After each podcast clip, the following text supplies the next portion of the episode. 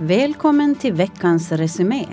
Vi tar pulsen på veckan som gick och försöker analysera vad som egentligen hände.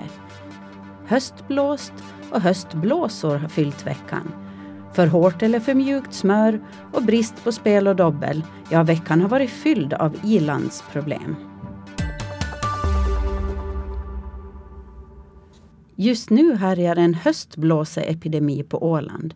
Höstblåsorna, som tidigare mest drabbat barn, ger sig nu också på vuxna, berättade läkaren Ragnar Stolt. I vanliga fall så brukar man se det här på hösten hos barn och det brukar vara just nu oktober, november och oftast då under tio år.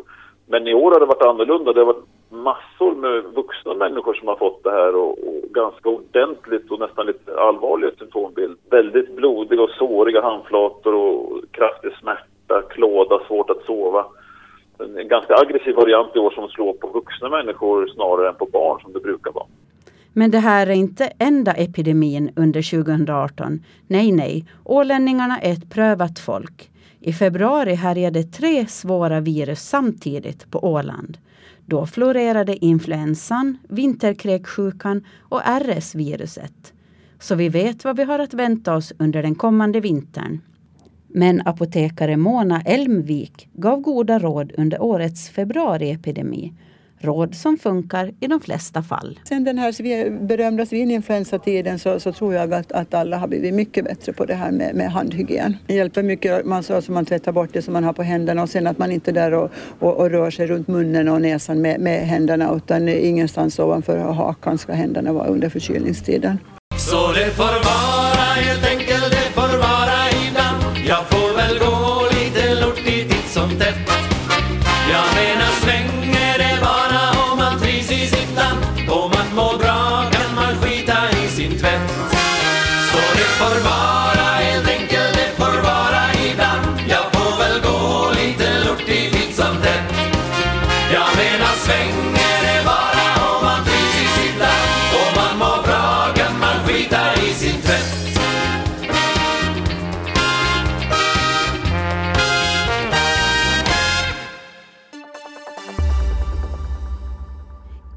I-landsproblem definieras på Wikipedia som ett informellt uttryck för vardagliga problem som är typiska för industrialiserade länder. Med en liten antydan om att dessa problem är lindriga jämfört med problem i utvecklingsländer som krig, svält, farsoter, analfabetism och fattigdom. I veckan avslöjades vem som vann årets upplaga av Skraknästet, tävlingen där innovationer belönas. Tävlingen arrangeras av Ålands Näringsliv och Ålands Utvecklings AB. Och i år vann en produkt som löste ett riktigt ilandsproblem. En elektrisk smörbytta som håller smöret exakt i den temperatur så att smöret ska gå att breda på brödet. Vi här på Resumé vill alltid hjälpa till. Så vi begav oss ut för att höra vilka ilandsproblem ålänningarna har. Varsågoda inför nästa års Skraknästet. Lös de här problemen. Ja, vilket är ditt i, stora ilandsproblem idag? Nå, ett konkret som dök upp i morse när jag var och satt på, bytte till vinterdäck så var det ju det att hela veckan hade varit snorhalt på vägarna, isigt och slibbrigt och så vidare. Idag regnar det är varmt och rart så det tycker jag är ett, ett typiskt ilandsproblem att nu har man vinterdäcken på och det är sommar före. Att vi har lite för mycket rådjur på Åland.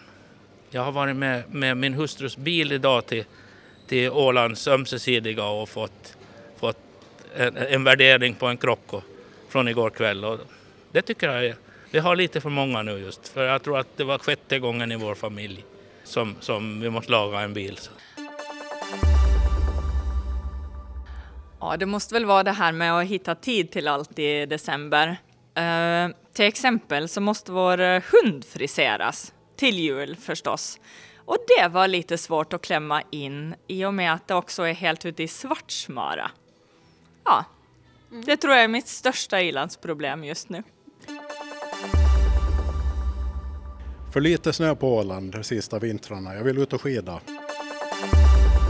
Just nu är det att det blåser så himla mycket och vi ska över till Sverige och sjunga med kören så vi måste åka. och jag gör inte det egentligen när det blåser. Så jag har ångest. Så vi får hoppas att, eh, att någon i Skraknästet-tävlingen nästa år hittar en lösning på det här. Ja men verkligen, gräv en tunnel eller någonting.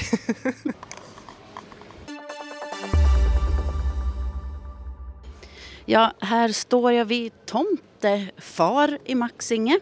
Han sitter här och ser nöjd ut med en bok i handen, men boken är ganska sliten. Men jag ska fråga honom eh, vad hans värsta ilandsproblem är. Jaha, tomtefar, vad är ditt största ilandsproblem idag? Det verkar inte vara så mycket problem här hos den här tomten. Eh, om du får fundera en stund, vilket är ditt största problem? Nej, här bara ler tomtefar.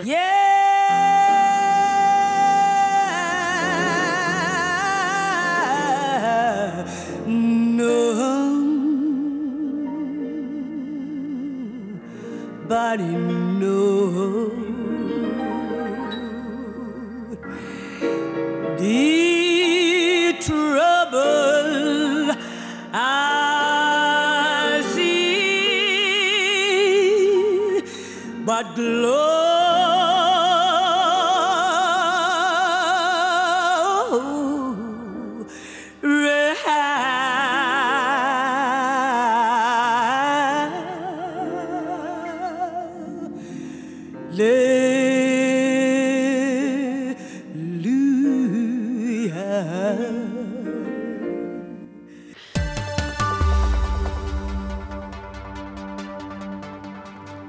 Och på tal om ilandsproblem.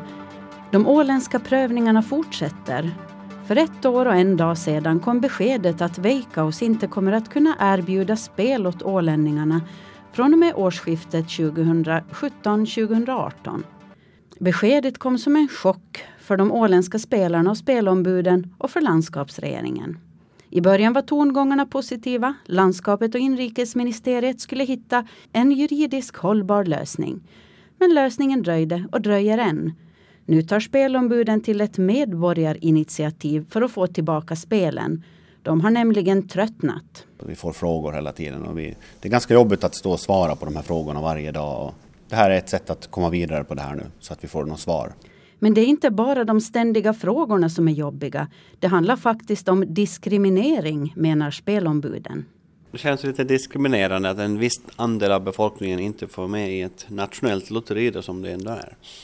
Naturligtvis ska ålänningarna ha samma rättigheter som resten av finländarna att spela bort sina pengar på andra spel än Pafs. Nu ska Resumé gå till botten med det här. En förenklad beskrivning av lagens definition av diskriminering är att någon missgynnas eller kränks. Precis, här finns både missgynnade och kränkta ålänningar. Grunderna för diskriminering är följande enligt den åländska diskrimineringsombudsmannens hemsida. Kön, könsidentitet och könsuttryck. Etnisk tillhörighet. Religion eller annan trosuppfattning. Funktionshinder. Sexuell läggning. Ålder. Vad spelar det för roll att vi har en självstyrelselag som utesluter många finländare från vad vi sysslar med? Ge oss hela kakan och russinen och grädden på moset och några finska skraplotter på det.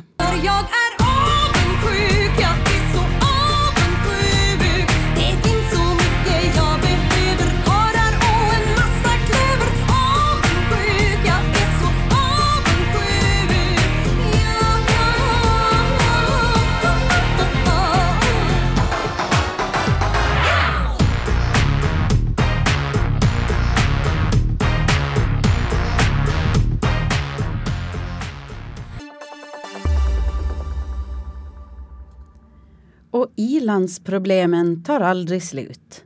Friidrottarna i Mariehamn ska få en egen arena. Det är jätteroligt för dem. Men frågan om läktaren ledde till en lång debatt i stadsfullmäktige i tisdags kväll. Hur stor ska den vara? Ska den vara mobil? Och behövs den överhuvudtaget? Bland annat Liberalernas ledamot John Holmberg tyckte man kunde spara på krutet. Jag kan tänka mig att den kommer att stå tom 360 dagar i året och då är jag positiv, tyvärr. Men då kunde Barbro Sundback berätta att en läktare är så mycket mer än bara en sittplats för publiken. Ja, de från friidrotten resonerar lite på annat sätt. De ser den där läktaren att den har ganska många funktioner. Också när man tränar är den bra att ha för att lämna grejer. Det är bra när föräldrar är med sina barn på den här idrottsanläggningen och så vidare. Cause any place I hang my hat is home. Här på Resumé vill vi alltid hjälpa till och för att ge Mariehamns stad alternativ till en stor dyr läktare listar vi åtta andra billigare förslag som friidrottarna kan lägga sina saker på. 1. Stolar. 2. Tamburmajor. 3. Direkt på marken. 4. En portabel klädlåda med lock. 5. En filt. 6. Pallar. 7. De befintliga bänkarna på Bomans ängar. 8. En stege. Cause any place I hang my hat is home. Du har lyssnat på Resumé. Gör som alla andra och kontakta inte oss på resumé.alandsradio.ax. Jag heter Nina Smeds och Resumé kan du höra igen om en vecka.